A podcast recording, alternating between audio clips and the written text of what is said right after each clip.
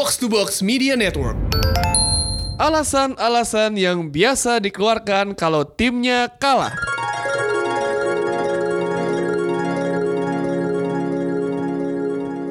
Wasitnya nggak profesional. Wasit goblok, wasit goblok. Oh jagoannya nggak main, Ronaldo nya nggak main. Biasa aja nih kipernya bukan kiper utama, ya kan? Next year is our year. YNWA five times, five times, five times.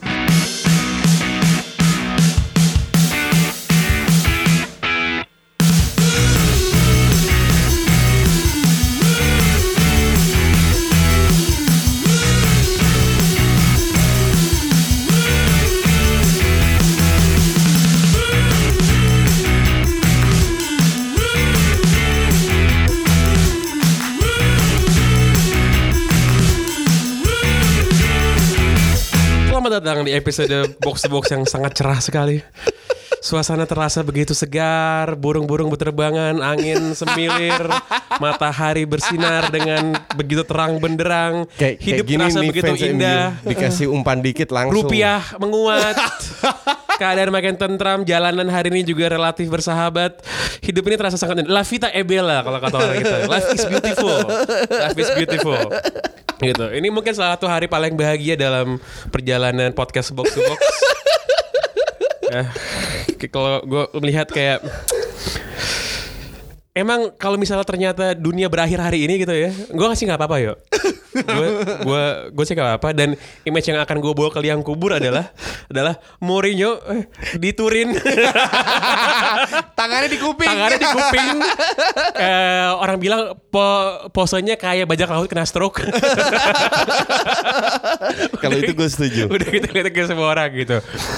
United ngalahin Juventus di kandang lawan 2-1 golnya injury Ntar abis ini United dibantai sama City. It's United Classic bro, ya kan? Enggak, lu ka- kalian tuh terlalu lebay. Baru menang sekali. Enggak lebay gini, gini coach, gini Eh, coach. Langsung lebaynya minta ampun. Gini, Ini fans MU gini. banget nih kayak begini. Enggak lebay nih, enggak lebay. Just see the difference ya. Ada Apa? tim yang away ke Belgrade ketemu Red Star Belgrade yang terakhir kali terakhir kali menang di pertandingan Champions. kompetitif Champions League itu tahun 93 ya. Terus berangkat ke sana kalah 2-0. Mendingan mana? Kalah 2-0. Sedangkan Manchester United kan ke Turin ketemu sama uh, juara Serie A 7 kali berturut-turut, finalis Liga Champions musim lalu kan ketinggalan 1-0 menit 65. Menit 90 habis pertandingan 90 plus plus 86 2-1. 90 plus plus. 2-1. Enggak emang emang kalau menang bebas aja sih. Iya. Ya udah Special one. Mau aja mau ngomong apa.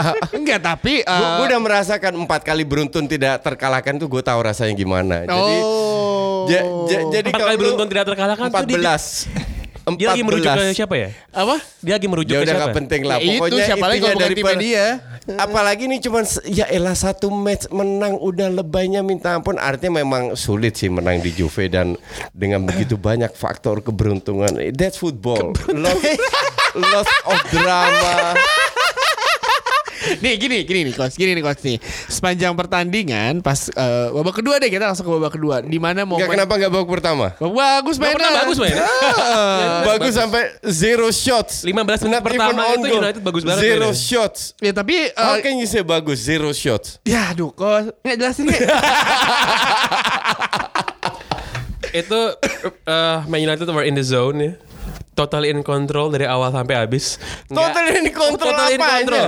Nggak ada periode kan kalau kayak pas main Hey. Old Trafford yang pertama tuh first leg itu kan kacrut banget babak pertama ya. Sekacrut itu sih. Kacrut banget. Eh, gitu. 24 shots dilakukan oleh Juve, Man U hanya 9. How can you say terkontrol? Di Terkon- luar menang kalah. Terkontrol lah. Soalnya yang gol cuma satu, itu cuma wonder goal dari Cristiano Ronaldo. Dan yang masing itu Kalau pemain gol belakang. terjadi itu kan Heeh. faktor ya lu tahu sendiri lah Pjanic sama Cuadrado kena tiang bla bla. Bukan itu itu namanya nggak terkontrol. Itu namanya luck. Enggak, enggak alak. Kalau Cuadrado apa namanya eh, egois sama pianis nggak kasih ke Ronaldo nggak jadi gol. Kalau mereka bermain apa namanya untuk timnya babak satu udah minimal 3-0 tuh. Tapi ya that's football. Tapi di babak That's kedua Allegri. di babak kedua nih eh, pas sudah Ronaldo nyetak gol itu emang kejutan sih golnya Eh, wonder goal di yang umpan juga pemain pemain eh, back tengah mereka dari belakang jauh banget Lindelof juga ngelihat wonder goal des gol itu pas gol wah ini golnya bagus sih. Kalau golnya ecek-ecek kayak ah tai lah gol tapi oh ini golnya bagus ya. Dan dan Udah emang nih. layak unggul. Tapi pas udah gini Enggak, coba coba lo bisa merasakan, lo bisa merasakan yang namanya takdir itu nggak bisa dihingkari. Nah, lo lo lo tahu lo akan setuju. menang. Enggak, lo tahu lo gue gue gue sih sebenarnya sebenarnya mengharapkan Ashley. Jadi pas golnya Juan Mata tuh free kicknya keren banget. Yoi. Karena Ashley Young itu terlihat akan Mengambil. mengarahkan bola eh, agak menyusur tanah agak datar ke sudut sebelah kiri gawangnya Chesney berarti dan Chesney kan geraknya ke kiri awalnya gitu Iya. kan tiba-tiba special Juan kan doing a very special thing Langsung. langsung free kick bagus satu-satu gitu kan Tapi itu emang bagus. Tapi uh, menurut gua yang menurut krusial adalah masukinnya Marwan ini. Nah, ini adalah sa- ini adalah satu bentuk pembuktian nih bagi orang-orang Kon- kontribusinya Vela ini apa bagi sekarang? eh, ini adalah sa- satu pembuktian bagi orang-orang yang merasa bahwa Tuhan itu tidak ada. Tuhan itu terasa sekali ha- hadirotnya di Turin ma- malam itu dalam wujud Marwan Vela ini. Iya. Jadi Marwan Vela ini itu adalah personifikasi dari yang maha kuasa. Begitu dia dimasukin kalau ke dalam kotak seandainya lu bener gue mending jadi ateis deh. kalau dimasukin dalam kotak penalti gitu kan dan defense-nya Juventus defense-nya Juventus itu nggak tahu gimana cara menanggulangi Vela ini men. Golongan Vela ini gitu kan. kan. Sama sama sama seperti ya sama seperti gitu kan. Ya namanya juga udah terserah yang di atas. Nah, ini kan, pada waktu orang menyebut yang di atas tuh mak- mak- maksudnya Vela ini gitu karena kalau Vela ini lo lihatnya ke atas kan soalnya kan gitu Eh, itu Vela ini maksudnya itu Vela ini gitu. beneran yang pas yang gol gol eh, kemenangannya United itu beneran si Ashley Young khasnya dia free kick kayak gitu terus tiba-tiba si tinggi nih si Zet wajing siapa ini galak di depan gua ya kan itu nggak ada yang bisa ngejaga walaupun Itu cuma bunuh diri kan? walaupun cuma Itu kena bunuh diri. walaupun cuma kena rambutnya sedikit aja tuh kalau di replay karena rambutnya sedikit cuy Eh. Heeh. Cuman kena rambutnya pun namanya efek ilahi ya. itu pas gol Lah, gol gol juga Enggak lah ini ini ini memang episode kalau menang bebas mau ngomong apa. jadi jadi untuk para pendengar Ada- dengerin aja lah. ada perbedaan bermain di hari Rabu di Turin lawan juara Serie 7 kali ya berturut-turut sama main di hari Kamis lawan Sporting Lisbon ada perbedaan Ada perbedaan, ada perbedaan. Ada gapnya, perbedaan, ada gapnya, ada ya. gapnya. Dan, dan, dan dan dan gue kan tadi siang gue nge-tweet gue memberikan kesempatan kepada coach Justin ya untuk memberikan hadiah tiket bisnis gue yang yang yang di akhir musim akan gue dapatkan ya. gue berikan kesempatan untuk cash in sekarang gue diskon 25% kalau dia bayar sekarang Enggak. lumayan loh Ra- Rana biarin aja di sini ada Rana biarin aja ngomong. Inilah tipikal fans MU baru menang satu match songong padahal kita udah berapa kali Rana 14 kali Beruntun, unbeaten ya. beruntun. Ini baru sekali songongnya minta kita lihat hari Minggu. sekarang udah Masih beda berapa ya ini Kak. udah udah beda berapa dengan Arsenal Ya dikit lah, ntar lagi juga. Dua- dua- dua Ah, beda ya? Tiga, tiga, tiga, tiga doang. Mi- mi- minggu depan beda 6 Ya sebenarnya dua poin aja sih. Satu kalau misalnya banternya dibalas ada bedanya main Liga Champions sama Liga Eropa. Ya ini kan berarti kan kita ngomongin pencapaian musim lalu itu Iya, satu. betul. Dua mudah-mudahan nggak ada komentar The Great Manchester United is back kali ini. Iya.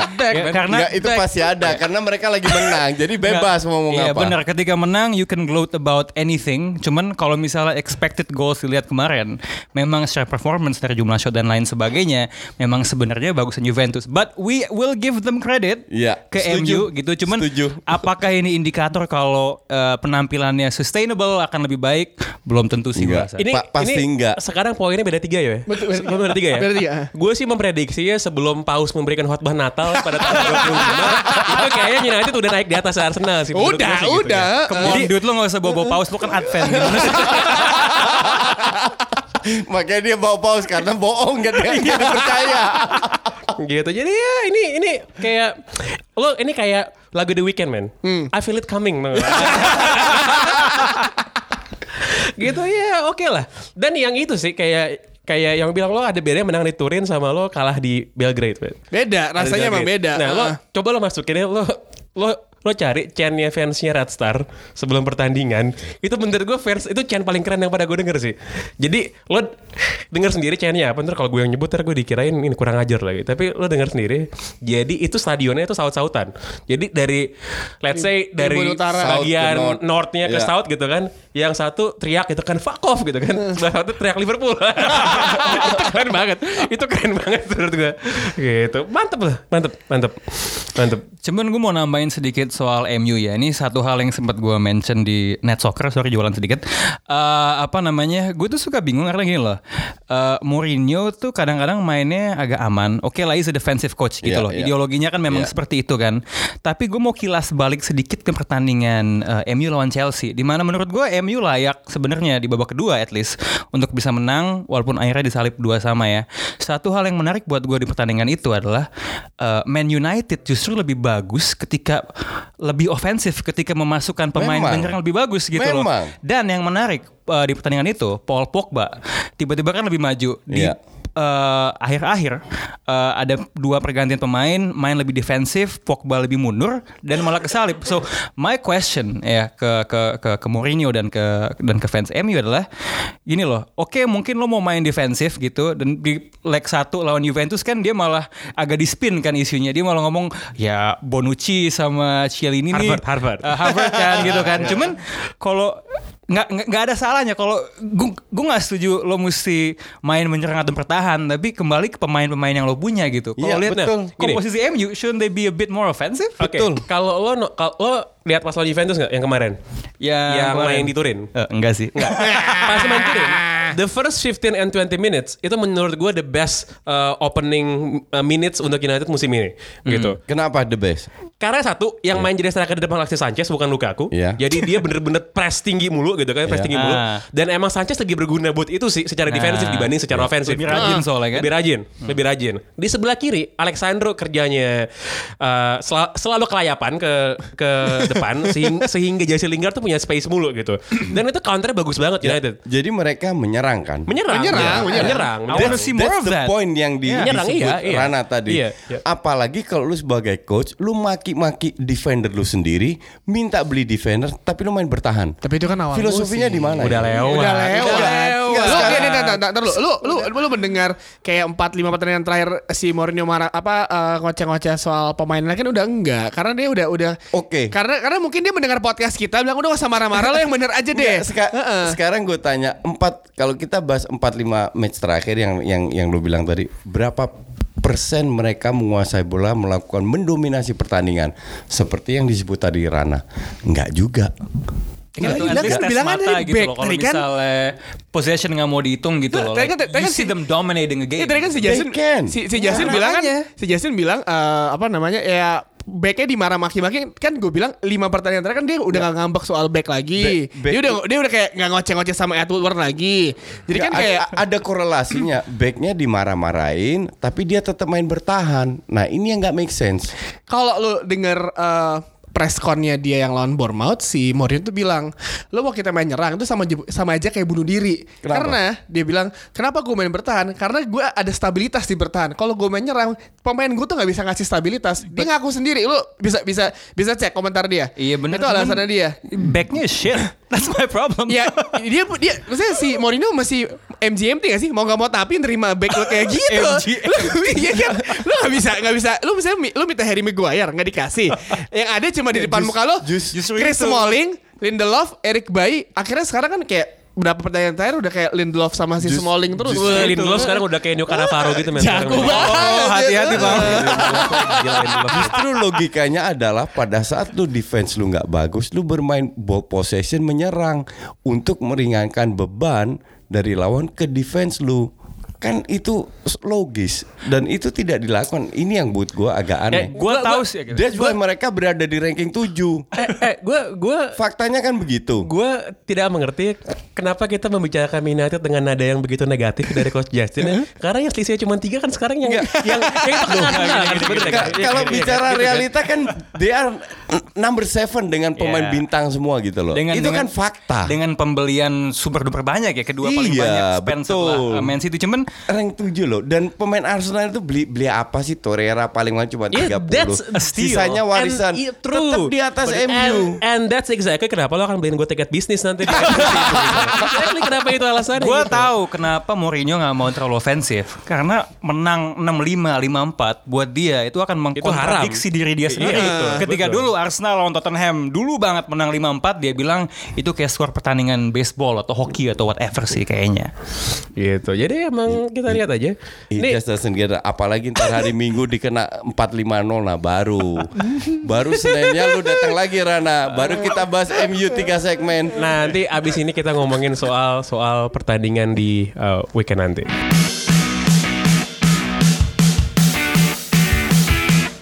Oke, em, hari Minggu nanti akan diwarnai dengan partai besar antara dua tim Sedap. ya eh, tim yang setara kelasnya Arsenal dan Wolves ya yang akan berlaga di pukul 23.30 Uh ini uh, Wow Motinho nyetak gol dari Ruben Neves. Ruben nih. Neves. Heeh. Gitu. Pelatihnya bagus tuh. Pelatihnya Nuno Espirito Santo, Roh Kudus, anak Roh Kudus. nah, dan di tempat lain ada pertandingan antar kampung ya, jadi antar kecamatan nih. Antara, Tarkam nih, Bang. Yoi, Manchester City dan Manchester United. Anak kota lawan anak suburbs ya. Anak kota sama anak suburbs. Walaupun sebenarnya kalau lo pernah ke Manchester sih sebenarnya jaraknya nggak sejauh itu. sih. Kalau lo orang ke Jakarta gitu kan terus lo gini, lo orang Jakarta yang cuman yang eh, perkenalan dengan Manchester sebatas kayak lo baca di Wikipedia apa di koran gitu kan lo merasa bahwa yang satu di tengah kota, yang satu lagi di pinggir kota kan lo langsung berasa kayak apa ya? Kayak kayak kuningan sama pasar bo gitu misalnya gitu kan. Iya. Atau kayak kayak kayak menteng sama ciledug gitu kan jauh gitu kan.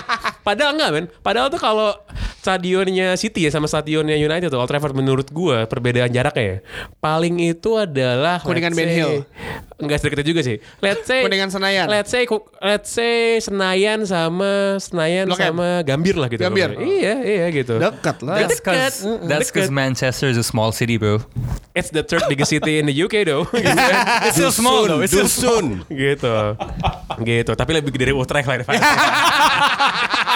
Ya, sli- Utrecht sli- kan. slightly lebih gede dari Utrecht kan gue kan gue udah bilang gue dari gue lagi naik kereta dari Amsterdam ke ke Eindhoven eh Utrecht nih gue foto dikit kan gue post di pet pas gue lihat kakak cewek udah lewat kotanya Sli- slightly lebih dikit lah. gitu Man City lawan Manchester United gue sih udah kebayang yuk kira-kira bakal terjadi apa yuk Wih. Mei 91 ya Mourinho sliding kayak dulu pas Porto menang lawan ini gak? MU ya. Lawan Eh, MU gitu Ini feeling gue sih ya udah pasti kalau kata Justin ya City nyetak dua gol di babak pertama. Sama kayak musim lalu dua gol babak pertama. Babak kedua Mourinho kan ngomongin taktik, ngomongin dari hati dari ha- apa hati ke hati gitu. Ya kan? Lu masa mau kalah sama tetangga lu? Terus jadi 5-0. Eh enggak Eh, Tiga dua Marcus Rashford Bocah lokal Nyetak gol Joget-joget sama Jesse Lingard Ntar di pinggir gitu emang menurut lu bakal gimana ntar coach Gue dibantai gue bilang. Wih gila sih iya. Ngeri-ngeri sedep nih bang For sure kalau lu lihat kalau lu lihat eh, apa namanya MCT musim ini dibanding musim lalu jauh lebih kompak dan they they don't really need apa namanya so, seorang Kevin De Bruyne karena Dia- dia- Silva Silva itu luar biasa Mahrez tune in eh, kipernya so nyaris nggak ada titik lemahnya apalagi lawan MU motivasinya pasti udah selangit jadi lu mau main bertahan mau main parkir bis tetap Gue dibantai lu. agak kasihan ya melihat tim yang begitu kompak ini akan kalah nanti.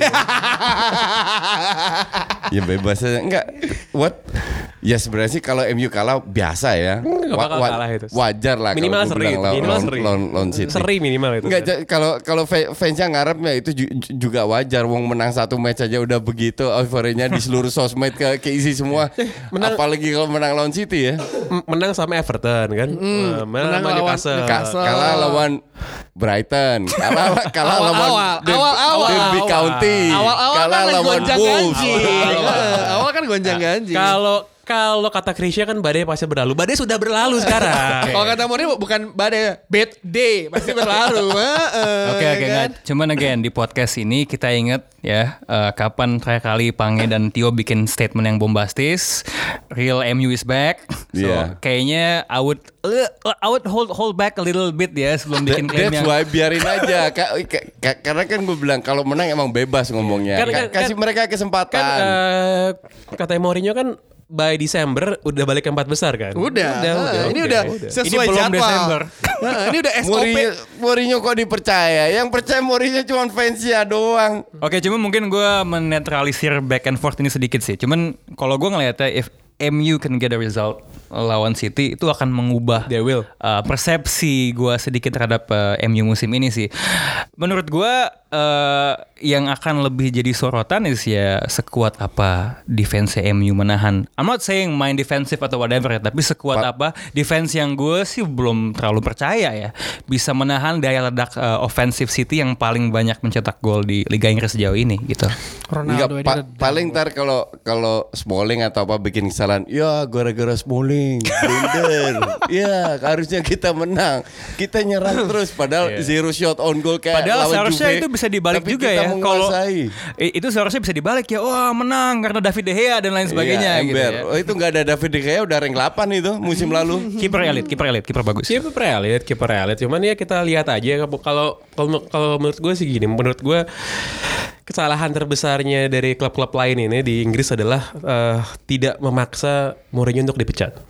Iya. gitu. Ju- justru jangan Ya, dipecat. enggak, enggak. Malah sebenarnya ya kalau misalnya Mourinho dipe- dipecat, gue sih agak takut Arsenal beneran bisa finish di atas MU gitu. Tapi begitu gitu gagal dipecat, Mourinho ini kayak super saya kalau lo baca Dragon Ball gitu. Kan kalau dibunuh hampir mati tapi nggak mati gitu Tiba-tiba kan. keluar ya? Keluar tuh lebih kuat lagi gitu. Ini kan apa what doesn't kill you makes you stronger kalau katanya Nietzsche kan. Jadi kayak ini nih sebenarnya kayak gitu juga gitu. Ini kayak Dan- gitu juga.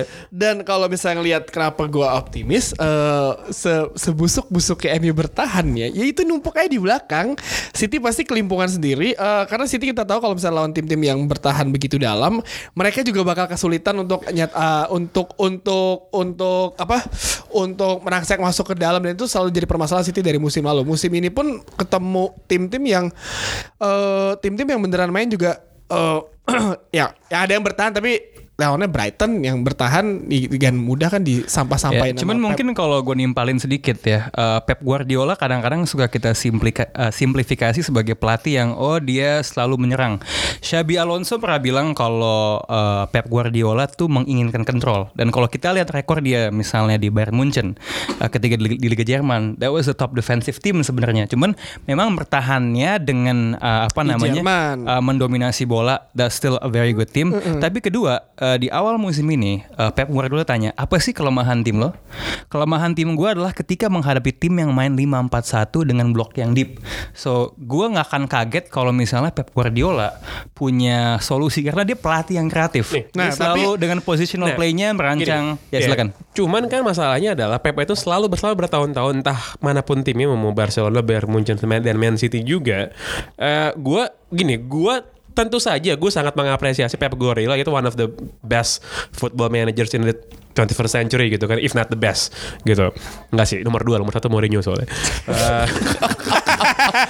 you heard it on Box to Box podcast Enggak, cuman gini, dia kan selalu nggak punya selalu nggak punya plan B, selalu nggak punya plan B gitu. Asli. Nah, kalau lo mau Buat lihat apa plan B kalau pl- plan A-nya jalan terus? sebenarnya kalau ngomongin The ya, reason silakan, kena- silakan. the reason Bayern Munchen Pep nggak pernah juara Champions tuh karena nggak punya plan B. Enggak. Kan nggak Ka- punya kar- plan B. Karena kualitas pemainnya tidak sehebat. No, Iya. no, no, Enggak, enggak, enggak, salah. enggak, gua nggak setuju, gua nggak Tunggu, tunggu, tunggu, enggak, enggak, coba kita lihat case per case ya. Kalau ngomongin mau ngomongin Pep di Bayern, Uh, dia selalu uh, out di semifinal Liga Champions. Musim pertama udah jadi rahasia umum. Itu pemain-pemain Bayern nggak mau main sesuai taktik dia ketika lawan Madrid. Leg kedua, uh, uh, musim keduanya ketika kalah lawan Barcelona, dia sedikit overthinking. Nah itu yang dia salah di di leg pertama. Pertandingan ketiga, menurut gua Atletico lawan kan? Atletico yang satu sama di kandang singkat gue ya itu s- sa- dia 25 shots on goal. Itu penampilan luar biasa dari Oblak. Some things you cannot uh, alter dengan coaching. So I think bener emang dia pelatih yang sangat ofensif cuman kalau mau disimplifikasi plan A sama plan B sebenarnya Pep itu mainnya mikro taktik jadi ada perubahan-perubahan yang terjadi di lapangan ketika bertanding. Cuman I get where you're coming from. Dalam artian emang kayaknya dia selalu going forward ketika Iya. ketinggalan nggak ada nggak di dan- silakan. Dan gini, dan uh, kalau lo lihat ya uh, taktikalnya taktikalnya Mourinho waktu lawan City musim lalu yang main di Old Trafford yang Yep, yang yang kalah itu, Ya. gitu. Itu semua juga Itu- kesalahan individual semua. Itu secara taktik itu on point menurut gue. Dua golnya City itu dua-duanya set piece, set piece. Dan emang ketololan ketololan back, back back MU aja gitu kan, salah clearance lah. Cuman secara taktik gitu. Iya, bahkan itu bener-bener bener-bener spot Iya, on. bahkan yang musim-musim pertamanya Pep yang di Old Trafford yang dia menang itu kan kesalahan Daily Blind juga intercept uh, Iya, uh, iya, ini iya, ya. iya. Oke, but di uh, pertandingan pertama uh, kalau nggak salah musim lalu gue ngeliat video analisis Sky Sports di mana waktu itu ada Thierry Henry yang you can attack me on this karena so far dia jadi pelatih agak B aja ya di di di, di Monaco. Bukan B aja katro. ya kan Troy? Di Monaco. Enggak. Cuma cuma gini, eh, ketika di breakdown ada satu instance karena kita ingat Lukaku dan penyerangan MU di pertandingan itu busuk banget karena dia memposisikan pemain-pemainnya di dekat eh, tengah lapangan itu untuk memblok counter attack United and that's why they struggled so hard di pertandingan itu untuk bisa mengancam City sebenarnya. Iya, se- sebenarnya kalau yang paling-paling uh, Mourinho kalah segalanya ya dari dari Pep itu adalah di pertandingan Di banyak pertandingan No, no, no, di no. Barca lawan Madrid di di Manita, di sini. manita, manita. Jose Mourinho bikin Pep Guardiola quit dari Barcelona, men. itu bikin quit, Aduh please deh. bikin quit, Don't- pindah ke don't- New York, ya pindah ke Eh, New York. eh, Bang, kerjanya yang, meditasi. Yang, yang yang namanya sampah jangan lu lu, Enggak, lu bungkus dengan kata-kata Gini, gini, indah gini, tetap gini, gini. sampah. Itu bukan karena kemenangan Madrid, eh, bukan karena revolusi counter taktikal, ya karena terlalu banyak provokasi yang dilakukan lah, colok-colokin mata Exactly. orang yang udah almarhum Eh, sekarang. Exactly. Exactly. Iya, Iya, Itu yang harus dilakukan. That's not about the football, bro. Fa- fans fans MU kan sel- selalu mendewakan hasil. Lihat hasil MU, Eh. enggak lihat hasil eh, Mourinho dengan Madrid sama hasil Pep di Barca. Udah itu aja. Ya, I guess ketika lo bias, Kalah lo dari bias. segala segi lah. jumlah jumlah Dan kalau gue bilang jumlah dari European Cup Mourinho sama Pep tuh sama loh. Eh, enggak. Sama-sama dua loh. Sama-sama dan, dua. dan dan karirnya Mourinho jauh lebih panjang daripada Pep kan. Pep masih bisa meraih lebih banyak. Ya. Tapi untuk gua agak aneh kalau orang bilang Pep tidak bisa tidak punya plan A atau plan B. Plan B itu lu lakukan pada saat plan A tidak berjalan, Ya. oke? Pada saat lu sudah melakukan ball possession 70%, lu melakukan create chances, lu melakukan 30 uh, goals shots on goal, tapi itu tidak gol, apa itu salah pelatih? Good point. Kan enggak. Eh, eh. Kalau pemain bikin blunder, apakah itu salah pelatih? Iya. Bagian yang ini. Simple, pelatih di pinggir lapangan soalnya kan. bagian yang ini lo rekam dan next time Coach Justin Laksana nyalain Mourinho lo putar lagi bagian yang ini. bagian yang ini nih. Seka- sekarang ka- kalau kalau mau itu kan jelas miskin taktik udah bertahun-tahun gue katakan tidak berubah. Kalau Pange bilang miskin taktik, nah itu julukan cocok banget untukmu. Nyaris tidak pernah Ya, kalau- Pa- padahal nih, nih, nih, kalau nih, dia taruh. mau menyerang itu sangat Nih, bisa. kalau kata Justin, kalau kalau lu punya plan A yang bekerja dengan eh, baik, ngapain pindah plan B? Ya kata Mourinho, plan aku bekerja nggak usah kau ganti ke That's plan B. Ya udah. Kalau dia plan A-nya bekerja, kenapa ranking 7? Artinya nggak berjalan dong. Musim lalu kenapa nggak nggak berjalan dong? Kenapa oke, dia musim lalu? eh, gua dia menghina pia- piala Ciki dan akhirnya menang Gua- piala Ciki. Gua Come on. gua turut belasungkawa atas meninggalnya sebentar lagi meninggalnya argumen peringkat tujuh ya sebentar lagi itu akan meninggal akan akan disemayamkan akan dikebumikan akan kita tabur bunga karena Coach Justin nggak akan bisa ngomong gitu lagi dalam jangka waktu dekat Tapi eh, karena nggak akan bisa Oke, oke, enggak, enggak, gas, Nggak, gas, gas. nggak, nggak. Lu, lu, lu boleh tutup dengan ketawa dengan bercanda-bercanda. That's the fact. Nggak, kalau gini, lu gini. bicara dengan kalau sebagai fans MU bicara skor, oke kita bandingkan skor. Cuman kalau lu bicara tadi kan pengen bahas taktik. Oke, kalau lu bicara taktik strategi nggak ada hubungannya dengan skor. Oke. Sama sekali nggak. Lihat contoh paling bagus ya Juve MU kemarin lah. Ya. Perba- 29 ba- banding 9 bisa tetap kalah. Gue rasa ada hubungannya gua dengan rasa skor. ketika 2-1. ketika ngomongin komparasi antara Mourinho sama Pep. ini harus apple to apple ya. Jadi Iya. kalau misalnya dua-duanya dilihat ketika lagi di Liga Spanyol misalnya, itu kan sekali Pep juara, sekali mau juara, rekornya still menguntungkan Pep. Sekarang di Liga Inggris sama-sama di musim ketiga, musim pertama finishnya lebih tinggi Pep, musim kedua Pep juara.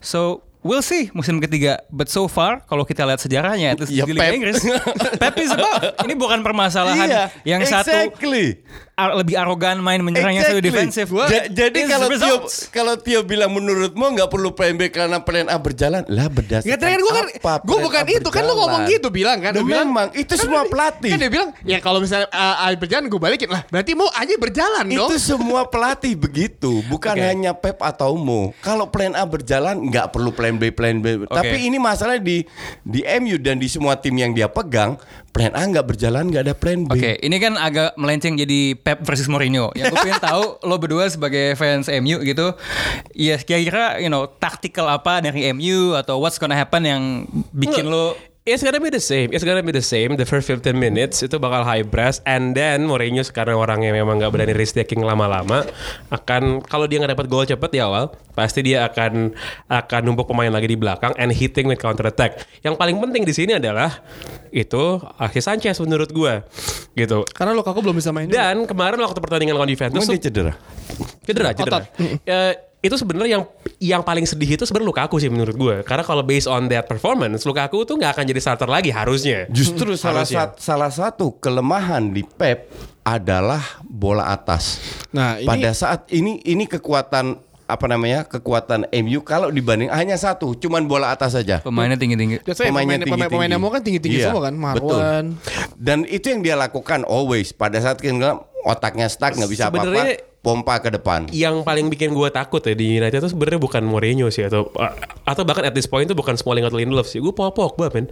Pogba pas lawan Juventus hilang bola tuh Sering soft, banget. ba- soft banget hilangnya kayak pengen dia bola di tengah, pengen godek-godek dikit kan hilang bola, gitu. pengen godek-godek dikit hilang gitu. Tapi Ini- musim ini kan dia sering banget kehilangan bola. Sering, sering. dia pemain yang paling banyak kehilangan bola di Iya, lapangan exactly. tengah di Iya, Premier League. betul. Pogba itu pemain yang agak Jekyll and Hyde gitu ya. When he's on his day, lo ngeliat dia main, it seems like he can beat anyone on the planet. Iya, iya, Yep. iya. Tapi kalau lagi seperti yang lo bilang tadi kehilangan bola karena kalau kita ingat final Piala Dunia, derby eh, Man City eh, MU yang MU menang Yang menang di 3-2, Etihad, iya, babak iya, kedua I thought it iya, was amazing iya, gitu, nggak iya. bisa di eh, stop. But again, eh consistency man. Entah kenapa gue ngerasa untuk pemain yang nilai 90 juta, eh, berapalah harganya, should he should be a bit more consistent daripada itu. Menurut, menurut gue yang bakal diturunin sama Mourinho sih agak sama kayak pas lawan Juventus starter sih. Herrera. Eh, Matic, Herrera, Pogba. Men Herrera tuh juara dunia kalau dengan ini term yang banyak banget diomongin setelah Piala Dunia ya. Shit housing tuh Andre Herrera men kalau lo lihat lo lihat itu kerjanya abis abis abis ngejatuhin orang kemarin pas lawan Juventus ngejatuhin orang terus protes ke wasit gitu padahal Iya. padahal dia jatuhin pemainnya gitu Dia belajar dari sekolahnya Sergio Ramos. ya. Sergio Ramos ya, iya. Enggak kalau kalau kalau gue bilang salah satu cara MU kalau mau menang itu udah main main gaya kick and rush saja dari belakang skip Depan. lini tengah Oh, ke depan taruh di depan sekarang nggak bisa bola atas tapi saja kadang ada Lukaku Gak ada Lukaku Nggak karena nggak mungkin. Kalau pas lawan Liverpool Lawan- gitu kan. Pas lawan Liverpool yang musim, Yang musim lalu, lalu. itu itu berjalan karena ada Lukaku target mana. Kalau misalkan dia ide nih, ya Fellaini mau nggak mau ya dimainin. atau lebih memanfaatkan Fellaini, set ya. masukin Fellaini Matic juga Kayak tinggi gitu aja. eh, Smalling It- itu doang caranya Itu sebenarnya taktik yang suka dipakai MU kalau lawan Liverpool. Tujuannya sebenarnya lebih untuk nge-bypass Iya. Iya. pressingnya Liverpool. Karena di, di biar- tengah biar pasti kalah apa di tengah pasti kalah lini Belum- tengah belum tentu. menarik, menarik, menarik. Belum tentu. Tapi kalau ngomongin Pep sih yang paling gue inget dari si Pep itu dia tuh waktu lawan final Champions MU Barcelona yang di Wembley. Babak pertama kan Barcelona si Messi itu di kanan dimatiin sama Patrice Evra kan. Se, se semati Messi nggak bisa pas babak kedua si Pep itu ngelihat Ferdinand sama si Vidic itu larinya nggak secepat itu. Dipindah Messi ke tengah kebobolan dua. Nah ini kemungkinan kalau misalkan ya dua back MU Smelling ya kan sama Lindelof kan It- eh, itu- lawan pemain cepet sih gue itu yang disebut tadi Rana micro tactic. Banyak perubahan di lapangan yang secara posisi oke tapi orang tidak begitu melihat sekarang per- per- perbedaan eh, sebu- se- seorang DM maju lebih 5 meter ke depan atau 5 meter ke belakang itu ngaruh banget tapi orang tidak begitu ngeliat karena posisinya sama Apalagi buat Pep yang sangat mengedepankan positional play kan. Iya, Ya, way gue betul. position. Oke, eh, nonton aja jam berapa? Setengah dua belas. setengah 12 Setengah 12 Setengah 12 hari Nggak Minggu ada pertandingan abad ini nggak di Win? Eh, nggak nggak Nggak ada. Buat kalau hari Minggu ini kita ada yang satu Inter, Hah? yang satu lagi Roma yang Tuh, main. gila, gila kita nggak siaran kok sih dapetnya begitu ya kampret ya. Inter sama Roma ya siaran, Emang gitu. curang nih. ha, ha. Jadi tidak ada pertandingan abad ini. Eh, Emang giliran gue Frosinone, Sassuolo, I love you Pak Bonaventura, nggak apa-apa lah. Eh, jangan lupa juga di hari yang sama dengan box A, eh, dengan box to box eh, podcast box out tentang basket juga naik dengerin juga ya. Nggak, ya pasti, pasti.